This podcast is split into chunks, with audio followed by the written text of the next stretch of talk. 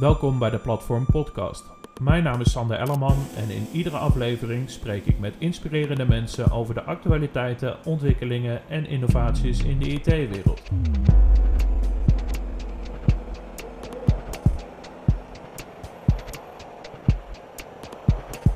Welkom allemaal bij de 17e aflevering van de Platform Podcast.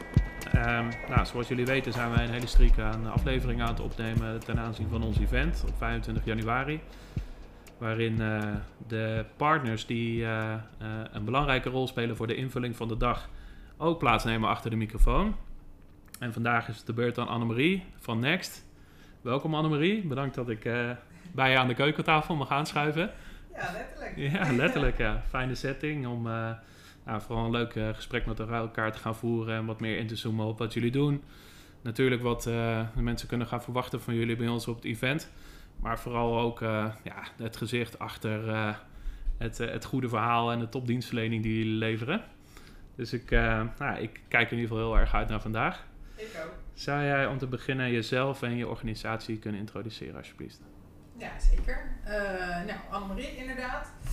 Um, um, ja, misschien leuk om eerst te vertellen over Next IT. We bestaan negen jaar. Dimitri, uh, de, nou ja, misschien voor de luisteraars, uh, nee, niet bekend natuurlijk. Nee, onze eerste medewerker, uh, die is negen jaar niet. Dus zo lang zijn we officieel uh, bezig. Mooi. En wij focussen ons volledig op software testing en quality assurance.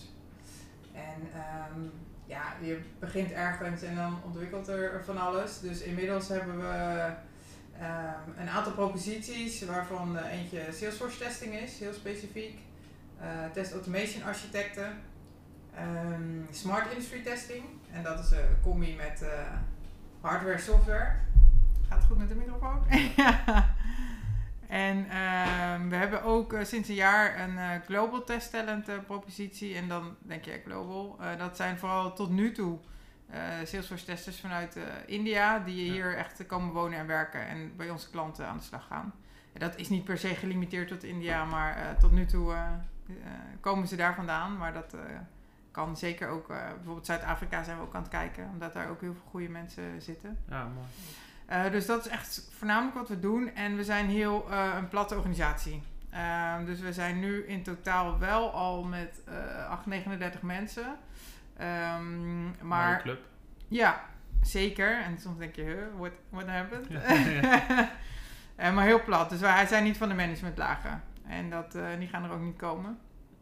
Um, ja, dus dat denk ik heel in een nutshell uh, over Next IT. Dus alles wat met testen en uh, software testen en quality assurance te maken heeft. Ja, mooi. En um, ja, mijn rol is heel uh, breed. Inmiddels, gelukkig kan ik steeds meer dingen afstoten. Maar het was heel lang alles wat met sales te maken heeft, met uh, met klanten, met netwerk uh, beheren, uitbreiden, ontwikkelen, um, uh, sollicitatiegesprekken met mogelijk nieuwe medewerkers. Ik deed ook marketing, dus recruit met HR, whatever, verzin het. Zoals ja. vaak natuurlijk als je um, in je eigen bedrijf van alles doet. Ja.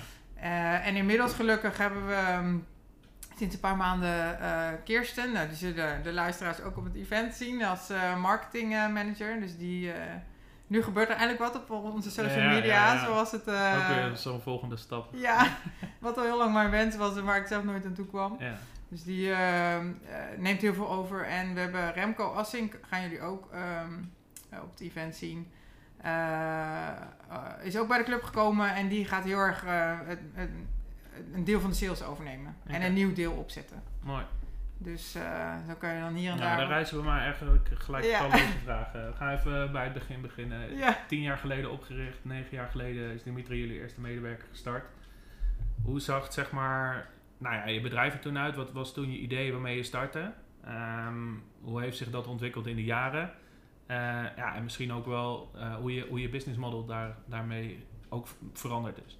Ja, ik weet niet of ik al deze vragen onthoud, maar daar hoop je dan waarschijnlijk wel bij. Um, ja, het is ooit begonnen vanuit het idee dat uh, de André, uh, oprichter ook van Next, die um, was lang geleden zelftester. En toen allerlei commerciële rollen in de IT gehad. En hij zag dat testen nog steeds eigenlijk uh, een heel hot topic is en steeds um, relevanter wordt. En er, zijn, er waren al heel veel testbedrijven. ehm, dus ze hebben zeker niet het wiel uitgevonden. Maar wel dat je dingen anders kan doen. Mhm. En er zijn allerlei hele grote bedrijven die dingen op een bepaalde manier doen. En waarvan wij Ja, dachten, nou ja, dat, dat kan anders. Mhm. En op zich wat, wat jullie natuurlijk vanuit platform eh, zullen herkennen. Dat je Ja, denkt, dingen kunnen anders. Absoluut. Ja, en dan begin je. ehm ehm, dan kent ook niemand je. Dus dan heb je bijvoorbeeld. eh, in het begin hadden we ook wel brokers. eh, om ehm, aan opdrachten te kunnen komen. Want je begint gewoon klassiek zeg maar met detachering. Ja, dan een beetje de head first-achtige bedrijven. Ja, bijvoorbeeld. IT-staffing die nu Ja, eh, precies, ja. Circle, whatever heet. En Ja. zo zijn er veel meer. Ja. En dan ga je gewoon netwerk opbouwen. Dus eh, ook naar events toe, eh, binnen de testwereld. ehm, ja, heel veel investeren in, eh, in eh, relaties leggen. ehm, en ehm, dus zo eigenlijk begonnen. En toen was dus, er komt weer die naam, Dimitri, die kwam wel als eerste op een Salesforce opdracht bij, eh bij Leaseplan. Ja. En zo is eigenlijk eh, ook die Salesforce propositie is daar geboren. Alleen dat wisten we toen nog niet eens eh, helemaal. Omdat je dan in die wereld komt en dat blijkt dus heel groot te zijn. En Salesforce gaat natuurlijk als een malle Ja, wereldwijd. mega, ja. ja. Ja. Ehm, dus zo steeds meer gaan uitbouwen. En wat we vanaf wel moment één, eh, het staat ook onder ons logo, Testing Excellence Company, we hebben heel erg ingezet op we gaan voor kwaliteit. We Ja. gaan niet voor massa, eh, is kassa of whatever. Mhm. We gaan echt voor kwaliteit. Dus ook in ons aannamebeleid. Ehm, kijk, niemand zegt ik wil niet goede mensen, dat is nogal wie dus. Maar we zijn heel ehm, scherp in wie we aannemen. Ja, selectief. Ja. En, en dat zit in meerdere dingen. Niet alleen dat je cv natuurlijk, eh, nou ja, weet je wel, dat we denken dat we kunnen waarde voor elkaar toevoegen. Ja. Maar ook gewoon qua persoon. En ja, hoe je in het leven staat. Communicatief vaardig. Ja. Ehm, want er zijn heel veel dingen over testaspecten kun je heus leren. Maar eh, communicatieve vaardigheden zijn bijvoorbeeld iets lastiger soms aan te leren. Dus we kijken heel erg van past iemand bij ons en passen wij bij iemand. Qua gewoon inhoud en cv, maar ook qua persoonlijkheid. En dat betekent dat we niet per se heel snel gegroeid zijn. Eh, want eh, als je wil, dan, eh, dan kan je natuurlijk heel veel mensen aannemen. Maar dat wilden we niet. En dat, ehm, eh, en dat ook zo in onze projecten zitten. Dus dat we zeg maar niet alleen maar simpelweg gezegd iets komen testen. Maar Mhm. verder denken dan onze neus lang is. En verder kijken dan zeg maar ook kijken naar de projectverantwoordelijkheid. ja, precies.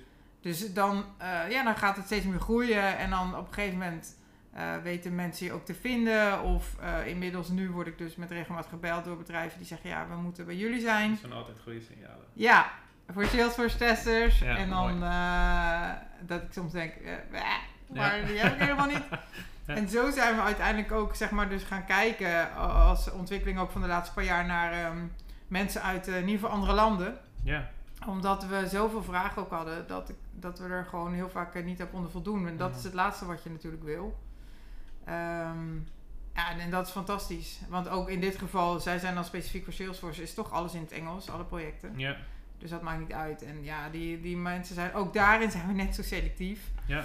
Ehm, en toevallig waren er hier vanmorgen net nog twee. Dat Ja. is echt geweldig. Ah, dat is ook wel wat jullie weer wat anders doen. Wel leuk om zo even op in te zoomen. Mhm. Ehm, net onderdeel van mijn vraag was ook, en ik begrijp nu dat ik... ik heb de vraag wat te complex gemaakt, omdat er zoveel te zeggen valt eigenlijk misschien wel op die, al die elementen. Maar ik ben ook wel benieuwd hoe jullie businessmodel eh, ontwikkeld is. Hè, dus je hebt het nu ook over die organisatie en die veranderende markt. Maar je ziet dat bijvoorbeeld, eh, jullie hebben bijvoorbeeld een managed dienst ook ontwikkeld. Kan je Ja. daar wat meer over vertellen? Ja, nou hoe je inderdaad begint, dat klopt. Dat waren, nou, het waren, niet, het waren vooral heel veel vragen in één Ja, vraag. Ehm, op basis van detachering. Ja. Ehm, en dat is nog steeds het, het, het grootste gedeelte wat we doen. Eh, consultancy is daar ook al lang bij gekomen. En dan denk ik, misschien wat is het verschil. Maar consultancy is voor ons meer dat we soms worden gevraagd voor bijvoorbeeld een week of, eh, of een aantal weken. Of om een bepaalde eh, ja, soort van scan te doen van hoe Ja. de organisatie is. Project met een kop en een staart. hè.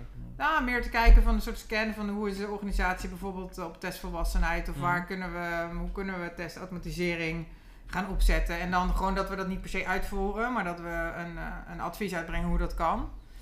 En inmiddels ehm, ja, zijn we dus heel erg bezig met het ontwikkelen van managed services. En dat is, ehm, ja, nou nogmaals, dat zijn we dus nog aan het ontdekken hoe we dat nog meer kunnen vormgeven en inhoud kunnen geven. Maar dat is dan gericht op dat ehm, vaak als wij bij projecten, als het geïmplementeerd is, zeg maar, dan, dan loopt letterlijk de kennis weer de deur uit als onze mensen weggaan. Ja. Want idee van detachering is dat je natuurlijk overbodig wordt en dat organisaties het gewoon met interne mensen verder kunnen ehm, eh, realiseren.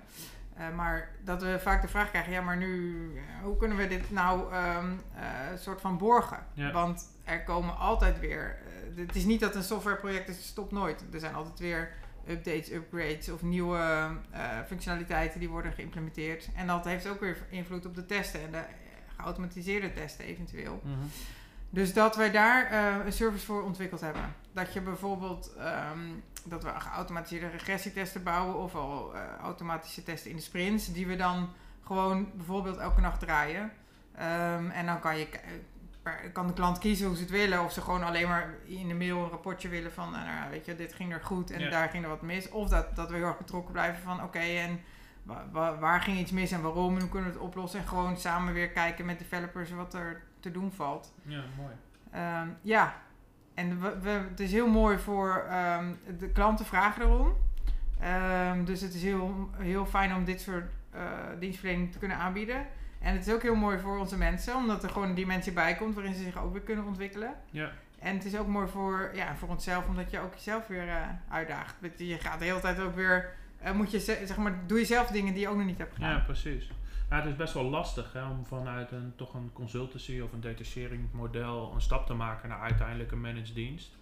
Ja. De vraag is ook waar, wanneer ga je de tijd voor vrijmaken en welke mensen ga je vrijmaken om die managed dienst uiteindelijk te leveren. Klopt. Terwijl je vaak toch ziet dat heel veel uren of het misschien wel het grotendeel of soms wel helemaal besteed wordt in projecten waar je al rondloopt. Ja. Dus ik, eh, ja, ik, ik, ik heb van de Klopt. zijlijn mee mogen kijken hoe organisaties daarmee struggelen. Hoe, hoe pakken jullie dat aan? Hoe creëren jullie die tijd? Hebben jullie daar dedicated mensen op zitten? Of steken daar bijvoorbeeld zelf veel tijd in?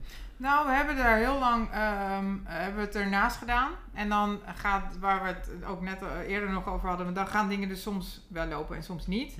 Dus nu hebben we gekozen om daar echt eh, vol op te investeren. Dus we hebben ook eh, de Remco die ik noemde aangenomen, die echt volledig de sales hiervoor eh, Ja. gaat doen. Want het Ja. zijn hele andere sales trajecten dan, Mhm.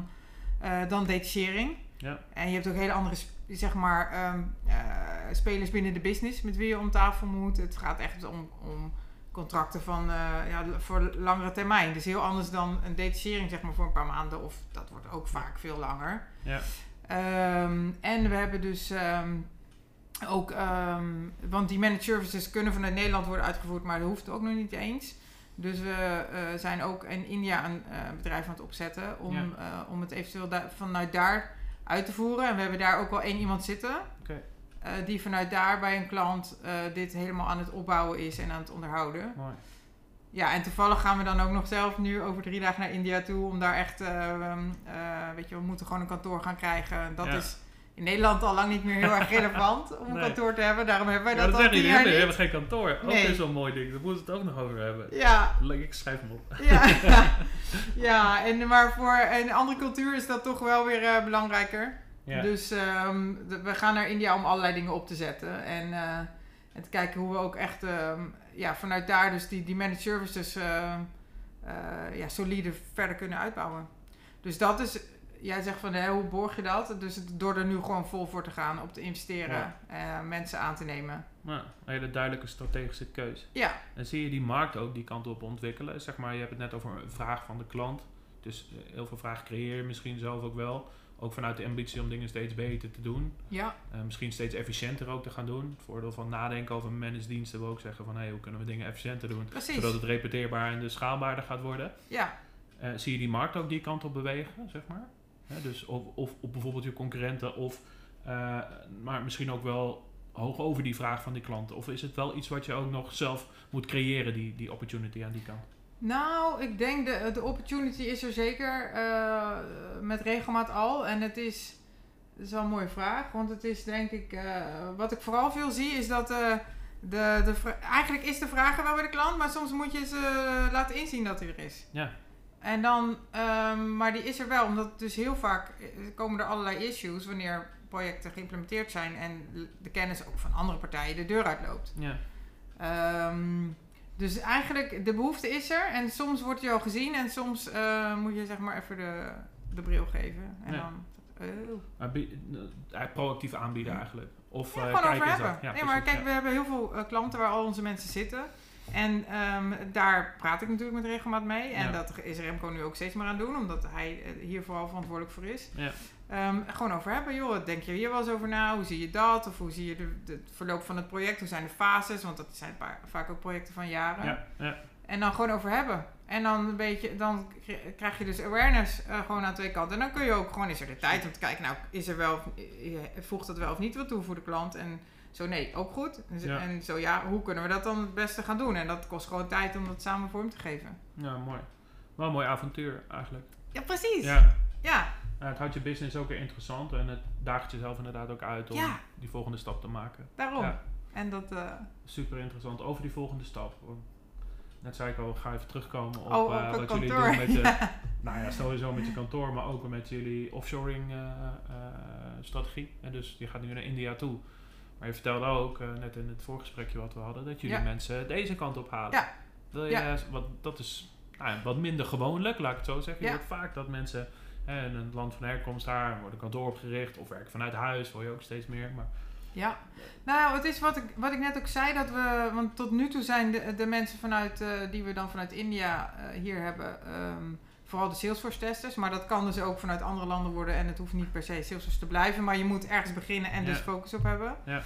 Ehm, ja, die eh, willen graag ehm, India uit om meer van de wereld te ontdekken. En wat ik zei, er waren er hier net nog twee. En dat zijn ook echt, die kijken er naar uit om door Europa te gaan reizen. Dus het zijn ook mensen met een bepaalde mindset. ja, leuk. Ja. En die eh, ja, komen echt hier naartoe. Eh, wonen, eh, werken en dan ehm, vinden we hier klanten. Dus ehm, ze doen meestal wel de intake nog eh, eh, online vanuit India, zeg maar. Omdat ze dan eh, nog niet hier zijn. En dan gaan ze hier aan de slag. Gewoon bij klanten. Ja. En dan rijden ze ze ook gewoon één dag in de week naar kantoor als dat nodig is. Want gelukkig is dat vaak nog maar, Ja. maar één dag in de week. Ja. En de rest vanuit huis. En, ehm, en tot nu toe, daar zijn we nu, want de eerste is een jaar geleden. Die was eh 1 februari begonnen. Hoe happy, hoe happy is die? Hoe happy? Ja. Super happy. Ja? Mooi. super happy. Mooi. Ja, die eh, Ja. bedankt tot, eh, ik denk echt elke week voor de, Oh, deze kans. En, eh. Ja, en dat gaat dus echt heel, heel goed. En Ja. de mensen zijn super blij. Ja. Ehm, natuurlijk hebben ze het nu bijvoorbeeld koud. Of denken ze, vroegen ze net, richt het hier echt altijd? Ja, ja, ja. nee, alleen nu. Precies. Ehm, en bij de klanten gaat het ook ehm, heel goed. Kijk, natuurlijk heb je soms dat je even denkt: oh, eh, we moeten even iets afstemmen of whatever. Maar dat, dat maakt niet uit. Dat kan ik met iedereen hebben. Ja, en ja, we worden er zelf ook heel blij van. Het brengt echt een nieuwe dynamiek. En ze denken soms anders. voorstellen, ja. Ja, Ja, wat ook jouw product en jouw zienswijze weer beter maakt, lijkt me dan ook. ja, Maar we- je had het net over dat je selectief bent, over de mensen die je eh, aanneemt, überhaupt al. Ik kan me voorstellen dat iemand vanuit een andere cultuur hier inhalen, ja. nog, dat je nog wat extra selectiever Klopt. bent. Wat zijn nou typisch dingen waar je dan op focust? Waar je, Nou, het is vooral, want ehm, ehm, zeg maar de allereerste die, we, die is gekomen in de unit, eh Mhm. Suraj, die was, eh, daar, daar praten we eigenlijk al twee jaar mee. En dat was, toen was het natuurlijk COVID en zo. Dus dat was allemaal eh, gedoe. Eh, Ja. Dus er kon niemand komen. En hij had ook al eerder in Nederland gewerkt. En dat was ook Oh ja. echt heel erg op referentie. ja, Nou, en eigenlijk sindsdien ehm, eh, is het, heeft hij zeg maar de volgende aangedragen. Want Oh die kende hij dan via projecten waar hij mee samen had gewerkt. En dat was Vibeoff. En toen vervolgens ging, heeft hij weer zeg maar mensen aangedragen. Dus zij, zij willen ook zelf alleen maar werken met mensen die ze kennen en waar ze voor instaan. ja, mooi. Dus zo gaat dat. En dat is echt, ehm, eh, vind ja, heel bijzonder. en, Ja, en op de inhoud, zeg maar. Kijk, ik kijk niet zo goed naar inhoud, want eh, ik ben niet eh, van de inhoud. dus bijvoorbeeld Dimitri doet inhoudelijk Ja. gesprekken met ze. Ja. En dan weet hij heel snel van, nou weet je, dat, dat is nou ja, waar, waar die iemand moet positioneren, zeg Mhm. maar. En ik kijk gewoon ehm, ook in die, want dat zijn dan vaak teams calls. Ik kijk gewoon heel erg hoe is iemand. En hoe is hij in de communicatieve vaardigheden? Wat vertelt hij me allemaal? Hoe kijkt hij in de camera? Ja. Ehm, eh, hoe beweegt hij zich Mhm. letterlijk? Eh, Mhm. Wat vraagt hij mij? En dan, ehm, ja, dan voel ik altijd wel best wel heel snel gewoon hoe iemand in elkaar zit.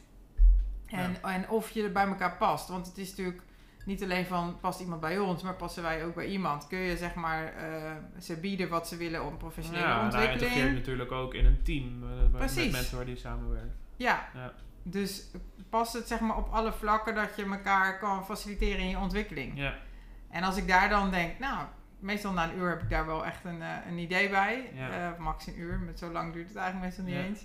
Dan, ehm, en als Dimitri dan heeft gezegd dat de inhoud zeg maar ook eh, matcht, Ja, want dat is natuurlijk wel een belangrijke combi. Ehm, dan eh, gaan we verder en dan krijgen ze een aanbieding. En dan, eh, weet je, daar hebben ze iets van drie maanden opzegtermijn. Dus het duurt meestal een, een maand of vier, vijf voordat ze echt Ah, ja. hier zijn. Ja. Maar dat geeft niet. Ja, precies. Dan werken ze eerst vanuit daar en dan... Nee, nee, nee, nee. Voordat ze hier naartoe kunnen komen. Ah, oké. Ja, voordat Om- alles geregeld is, zeg maar. Ja, want je hebt natuurlijk ook een nieuw proces met IND Ah, en whatever. Precies. Nee, En ze hebben drie maanden opzegtermijn, meestal, aan die kant. Oké.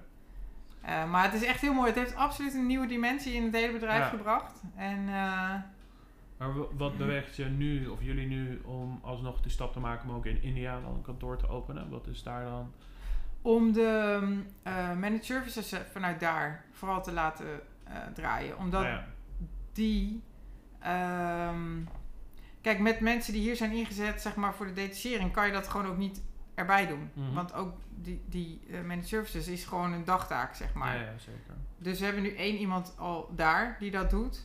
En ehm, daar zijn gewoon ook, eh, is veel vraag naar, zeg maar. Dus, dus ehm, en niet iedereen wil ook weer naar Nederland komen, Mhm. snap je? Want sommigen eh, willen het liefst gewoon bij de familie blijven. Of er zijn honderdduizend redenen waarom ze niet hierheen Ja. willen komen. Maar ze willen wel graag in de Europese markt werken. Omdat ze vaak zelf letterlijk zeggen dat ze... eh, want ik vraag ook aan eh, de mannen tot nu toe, één vrouw en de rest mannen, van waarom is het nou zo mooi om bijvoorbeeld in Europa te werken, of het nou op afstand is of niet. Ze zeggen dat je hier veel, een soort van dubbel zo snel kan ontwikkelen als in. India. Gewoon ook inhoudelijk. Mhm. Dus er zijn ook mensen die zeggen, nou ik wil niet naar Nederland, want whatever, redenen. Maar ik wil wel heel graag voor Europese klanten werken. oké. Hey, en ehm, wat, ehm, wat, wat, wat geeft, wat, wat is voor jou die drive om dit allemaal te doen? Want het- gaat zoveel meer dynamiek bij komen. Ja, Ik ben, ik, weet je, kantoor daar openen, eh, mensen in het buitenland hier waar je toch ook een bepaalde zorg en een bepaald gevoel voor hebt om ze goed te laten landen zeker. en goed te functioneren. Daar gaat veel tijd en energie in steken. Daar moet een bepaalde drive zitten om op die manier ook je bedrijf te schalen en om dat te gaan doen, dat avontuur ook aan te gaan. Ja, Wa- waar zit dat? Ja, dat zit, ja, ik denk in heel veel dingen dat ik zelf gewoon van avontuur hou. ja, en mooi. En niet van, eh, ik ben hyperactief, zeg maar. Ik ben, eh, dat kwam net ook in het voorgesprek al. Ik ben heel erg van het fietsen, het wielrennen. eh doe ook veel met klanten. Ja, leuk. We hebben ook ons eigen fietsevent.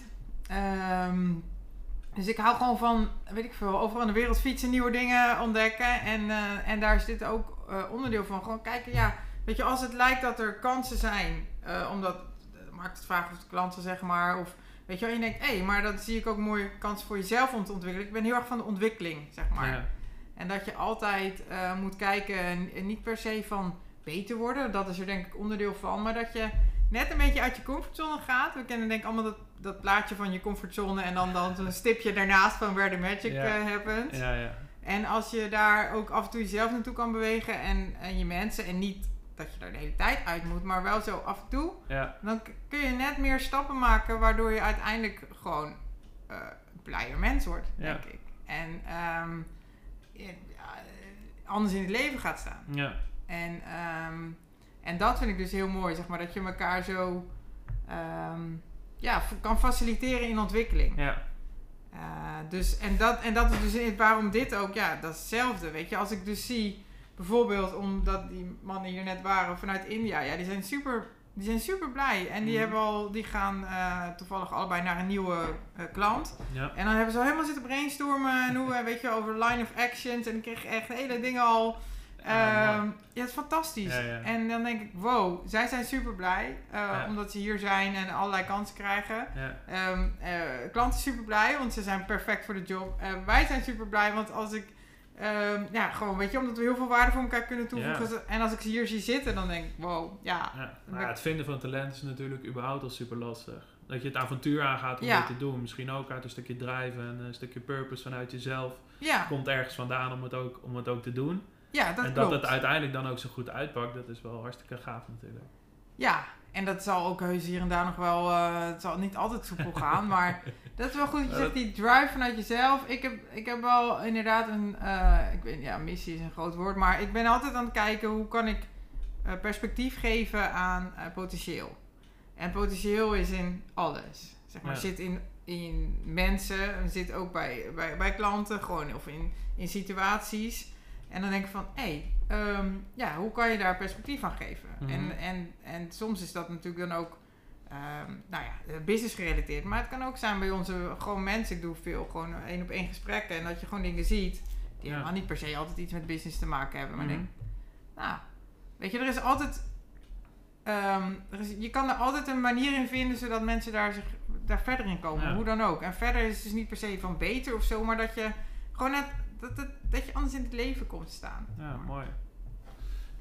Het ehm, komt op mij over dat jullie dingen gewoon net iets anders proberen te doen dan de rest. Creatief proberen te zijn. Ja. En eh, ja, toch vanuit een purpose echt dat dingen aanjagen. ja. En dat, eh, dat vind ik wel mooi om te zien. Typeert dat ook je rol? Want we hadden het ook in het voorgesprek over werken aan je bedrijf en werken in je bedrijf. Hè, Je begint heel veel, je zit zelf in de productie en zelf in de sales. En nu heb je meer de mogelijkheid, nou, zoals je al zei, eh, eh, veel nieuwe collega's. eh het salescollega die Ja. een deel ook weer van jouw werkzaamheden gaat overnemen. Typeert dat ook, zeg maar, hoe je dat voor de komende tijd voor jezelf voor je ziet? Ook voor jezelf als volgende stap om meer die purpose na te gaan jagen. En om meer van dit soort avontuurlijke dingen te doen. Anders na te denken over de business zoals je het nu Ja. bijvoorbeeld weer lukt. Nou, dat is wel een goede vraag, want het, ik zit er inderdaad wel eens over na te denken. Van eh, hoe gaat het nu zich ontwikkelen en wat wil ik? Maar ik denk inderdaad precies dat. Soms wat, en dat is nog lastig soms hoor, om de operatie wat los te laten. Ja. Maar dat gaat elke dag ook, eh, soms moet ik gewoon even aan herinnerd worden. En vorige week belde Dimitri me bijvoorbeeld, zei hé, maar waarom laat je dat en dat niet door Remco doen? Ja. Ik dacht, oh, ja, nou, Goeie. goed dat je, zeg bedankt, Ja, heb ik nog niet eens over nagedacht. Dus om misschien iets meer uit de operatie eh, te gaan. En, ehm, eh, maar wel, ehm, en dan komt er dus ook weer een soort van meer ruimte om eh, breder te denken, zeg maar. En, en ehm eens te kijken, hé, maar waar gaat de wereld eigenlijk heen? Of, eh, weet je wel, wat, wat, we bieden dit nu allemaal voor onze mensen, maar wat kunnen we eigenlijk nog meer? Of wat kunnen we verzinnen? Gewoon dat je een soort van ruimte en rust in je hoofd hebt, zonder dat je de hele dag gebeld wordt over, eh, weet ik veel, allerlei operationele dingen. Ja. En dan kan je ook weer op, ja, weet je wel, over strategieën natuurlijk nadenken. Ik bedoel, als je ons vier jaar geleden had gezegd dat we nu vijf mensen vanuit India hier zouden hebben, Ja. dan zouden we hebben gedacht, hè? Oké. ja. ja. Dus, ehm, Ah, mooi. Mooi dat dat eh, aan de ene kant wel gewoon met heel veel gedachtegoed en heel veel strategie gaat, maar dat het niet voorgeplaveid is of zo. nee, maar ik denk dat dat ook, dat klopt. En het, wij hebben ook geen ehm, externe aandeelhouders of whatever, zeg maar. Dus Mm. er wordt een- ons niet eh, allerlei druk opgelegd over, of dingen die we zouden moeten doen. Ja.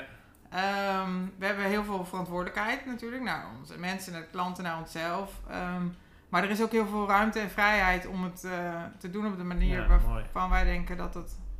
Ja, Super fijn. ja, Hey, en als je het dan hebt over dingen anders doen, dan is het eh, geen kantoor hebben. ja. Is daar, is daar ook eh, een heel duidelijk voorbeeld van? Want daar kiezen jullie gewoon heel duidelijk voor. ja, Van ja, wat is de moeite? Je, Ja. je opent een kantoor in India met een hele bewuste gedachte. klopt. Je hebt ook heel, heel bewust open je geen kantoor hier, terwijl het nou, eh, makkelijk te doen is. Je kan makkelijk een hubje ergens in Nederland hebben. Maar Ja, waarom kiezen jullie ervoor om het niet te doen? Wat is, wat is daar de, de gedachte achter? En hoe, ja. ervaren, hoe ervaren jullie dat met z'n allen eigenlijk? Nou, vanaf het begin was eigenlijk duidelijk dat we dachten, ja, maar kantoor, waarom? Want eh, in principe, zeg maar, ehm, kijk, nu hebben we een office manager, de marketing manager, om zo te zeggen, wat meer overhead of niet consultants. Ja, Maar heel lang eh, waren het consultants en, eh, en wij. En ehm, ja, consultants zitten op opdracht. En toen Als kwam COVID. Ja, toen zaten ze thuis, Ja, maar in ieder geval eh, niet op kantoor. En toen dacht ik, Ja. waarom zou ik een kantoor hebben? Want ehm, ik ben dus ook heel erg van, ik ga bijvoorbeeld,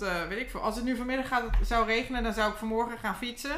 En dan eh, werk ik wel weer vanavond door of zo. Ik wil niet van die tijden of dingen. Of dat ik denk, ik ga naar een kantoor. ja, En dan eh, zit ik daar. Dus ik, Ja. ik werk vanuit huis. En als ik denk, hé, hey, het is nu tijd om te fietsen, ga ik fietsen. Zeg maar, bijvoorbeeld. ja.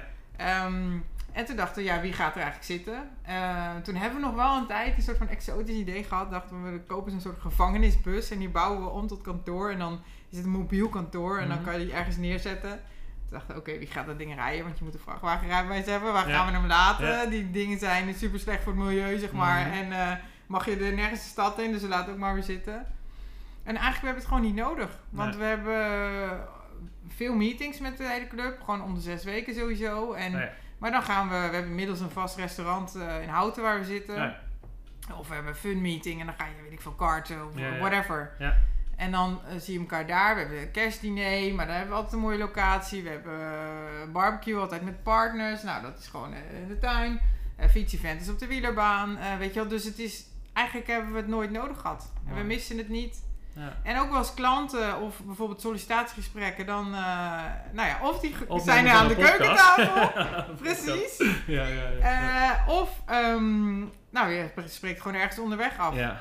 En, eh, Ja, het is, het is eigenlijk, eh wij spreken vijf jaar geleden, dan, dan denk ik dat het gros van de mensen die überhaupt in IT of überhaupt in business onderweg, eh, vooral aan de tra- wat traditionele kant denken van eh, geen kantoor, Ja, eh, hoe, kan je, hoe kan je een bedrijf managen met geen kantoor. nou, juist Covid heeft daar wel echt absolute veranderingen in Ja. aangebracht. Ja. Maar goed, jullie zijn het levende bewijs dat het gewoon supergoed kan werken. Maar hoe zorg je ervoor dat je wel die connectie houdt? En dat Nou, is dus, dus- het regelmatig meeten en het blijven organiseren. En, eh, Ja, en het overigens ook nog een, eh, het spaart heel veel geld uit als je geen kantoor hebt. ja, dat is En helemaal nu, Ja. met eh, alle energiekosten waar iedereen natuurlijk Ja, ook altijd over heeft. Ja, zeker. Ehm, dus hoe hou je die band? Ja, dat zit, dat zit in de structuur van meetings hebben. Mhm. Ehm, en elkaar gewoon regelmatig zien. En verder natuurlijk ook persoonlijk contact. Ons bedrijf is heel erg geënt op persoonlijke relaties. Mooi. En ook dus dat we helemaal geen laag in dingen hebben. We schakelen gewoon direct met, met iedereen. En ehm, dus eh, met regelmatig lunch of koffie drinken of appen of bellen. Of, eh, die lijntjes zijn super kort. Ja, mooi. En, ehm, en dat moet je eigenlijk niet, want nu is het een soort van slager eh, die, of Nou hoe ja, zeg je dat, wc 1, wc 1, maar Tuurlijk, ja. als je dat, dat is wat de mensen ook heel vaak teruggeven. Dat het super Ja, persoonlijk wat- is. wat- een soort vriendenclub, zeggen ze. Ja, wat het is. Ik, ik, ik denk wel, zeg maar, dat als er organisaties en mensen luisteren die in een organisatie hebben, die er wel eens over getwijfeld hebben, dan zijn dit wel dingen van, hé, hey, wie weet dat iets wel over de streep trekt om het te doen. En Ja. vooral als je kijkt naar van al die files die er staan, eh, al die reistijd die dat extra kost, eh, eh, als je het dan hebt ook over het milieu en over eh, alle zaken die daarbij komen kijken, ja, is het helemaal geen gek idee. Van jongens, laten we het allemaal wat minder gaan doen. Laten we Ja. minder continu maar eh, bij elkaar komen. en Laten we meer dingen online gaan doen. En Ja. als je daar gewoon een goede structuur voor opbouwt, waar iedereen weet waar die op kan rekenen en wat gewoon op een gezonde manier is ingericht, kan het dus perfect bestaan. Het, het werkt heel goed. Ja, En soms, hè, want we hebben dus die squads, zoals de Salesforce Squad, de Automation Squad, de Smart Industry. Als Ja. die bij elkaar willen zitten, dat kan, weet je wel. Dan ga je... nou, je hebt overal... Je hebt honderdduizend kantoren, meetingrooms, eh, hotels, Ja, eh, weet je wel, van de. Fox, wat allemaal... waar je van alles kan huren voor een paar uur. ja, Dus dat is gewoon... En dat werkt heel prima. ja perfect. En ja. Leuk, leuk, omdat ik vind het leuk dat het gesprek ook best wel wat purpose dingen heeft gehad. En in ieder geval ook dat je mij hebt meegenomen en ook de luisteraar meeneemt van meer de achtergrond achter Next. Weet je wel, je ziet kwalitatief hoogwaardige dienstverlening, hoe jullie profileren. Maar er zit Ja. gewoon echt een hele mooie filosofie en gedachte achter. En een juiste drive ook, om het verschil te maken. Dus dat is heel mooi om te zien. Nou, hey, het dank half uur zit erop. Oh, nice. Dat gaat Hè, snel. Het gaat snel, ja. ja, het gaat wow. super snel. Het is eh, ja, eigenlijk van tevoren denk ik een half uur, dat is best wel lang, kan ik heel veel aan zeggen. Maar nu, er zijn nog heel veel open eindjes. Ja, klopt. betreft. Nou, dan gaan we, doen we nog een keer een Doen we nog een keer. Ja. Laten we- een goed idee. Hey, ehm, aan, eh, aan het einde van eh, ieder gesprek vraag ik altijd wat, me, aan, wat mijn gast mee wil geven aan de luisteraar. Waardoor je de afgelopen periode geïnspireerd bent. Of verdiep je daar eens in. Of neem dat mee als, als laatste gedachte en herinnering aan dit gesprek. Wat zou Ja. jij mee- willen meegeven aan de luisteraar? Nou, dat is eh, wel, ehm, daar heb ik wel over nagedacht. Ehm, ik ben de laatste tijd met regelmatig op Gran Canaria, omdat ik daar dus eh, heel goed kan wielrennen. En ik combineer altijd eh, fietsen en, eh, en business. Dus ik kan daar ook gewoon, ik werk daar gewoon vandaan. En ehm, wat ik daar, wat me dat heel erg brengt, en dat wil ik eigenlijk wel meegeven, is dat, ehm, ik ben, dat je ziet, zeg maar, hier is iedereen heel erg aan het rennen. Ehm, eh, nu COVID weer een soort van weg is, moet iedereen weer zijn kinderen tien de week naar clubs brengen en alle werken, school, whatever. En, ehm, en daar heb ik soort van, ik zeg het maar, van slow down eh, to the speed of eh, life, zeg maar. Eh, veel rustiger, rustigere vibe. En dat zegt niet dat je niet meer goed werk doet of whatever. Maar minder in je hoofd. Hier is iedereen maar aan het nadenken. en bezig met hoe kan ik mijn hele leven managen. En ehm, daar is het gewoon ehm, ja, meer voelen. En dan ga ik soms ook gewoon, kan ik een uur, weet ik veel, op het strand zitten. En dus denken, hé, maar ehm, ja, hoe voelt het eigenlijk? En waar zijn we mee bezig? En eh, ja, weet je wel, eh, voelt het goed of niet? Maar we, meer voelen in plaats van alleen maar in je hoofd zitten de hele tijd. En ik zeg niet dat je per se naar Gran moet hoor. Toevallig werkt dat voor mij uh, op dit moment. Maar, er zijn vele plekken die je kan kiezen. Ja, en dat kan ook gewoon hier. Want het is helemaal niet dat het ergens anders moet vinden. Maar daar ben ik wel er meer bewust van geworden. Van, we zitten best wel vaak hier allemaal in een red race. En, en, en iedereen werkt heel erg uit zijn hoofd. En um, nou, probeer, je hoofd moet niet uit. Maar het mag soms wel iets minder. En dus wat meer voelen. Hé, wat gebeurt eigenlijk in mijn lichaam? Of wat voel ik bij als ik over dingen nadenk of in gesprekken? En dat brengt ook weer hele nieuwe dimensies um, voor jezelf. Die vervolgens ook weer. Uh, mijn gesprekken met mensen gaan daardoor dan ook anders. En dat levert weer hele mooie nieuwe dynamiek op. Mooi. Nou, ik denk dat dit voor iedereen wel herkenbaar is. Uh, dus toch ook een beetje de dynamiek waar wij in dit land uh, mee leven. Inderdaad, misschien ook de prestatie die we met z'n allen willen leveren om uh, het maximale eruit te halen. Ja. Dus super mooie afsluiter. Dank Nou, daarvoor. Graag gedaan. Dank voor de gastvrijheid en het gesprek van vandaag. Ik vond het echt super leuk, leerzaam. Ik vond het leuk om jou beter te leren kennen. Wederzijds. Wij gaan uh, het nog een keer overdoen. Laten we over een periode nog eens kijken waar die managed service echt in volle glorie draait. Dat Ja. India in volle glorie draait. Ja, En dan ben ik heel erg benieuwd wat dan weer de bevindingen en de lessons learned zijn. Dus ik ook. Het wordt zeker weer te top, mooi. dankjewel. Ehm tot de volgende keer. Yes. Alright. Iedereen bedankt voor het luisteren en eh, graag tot de volgende keer.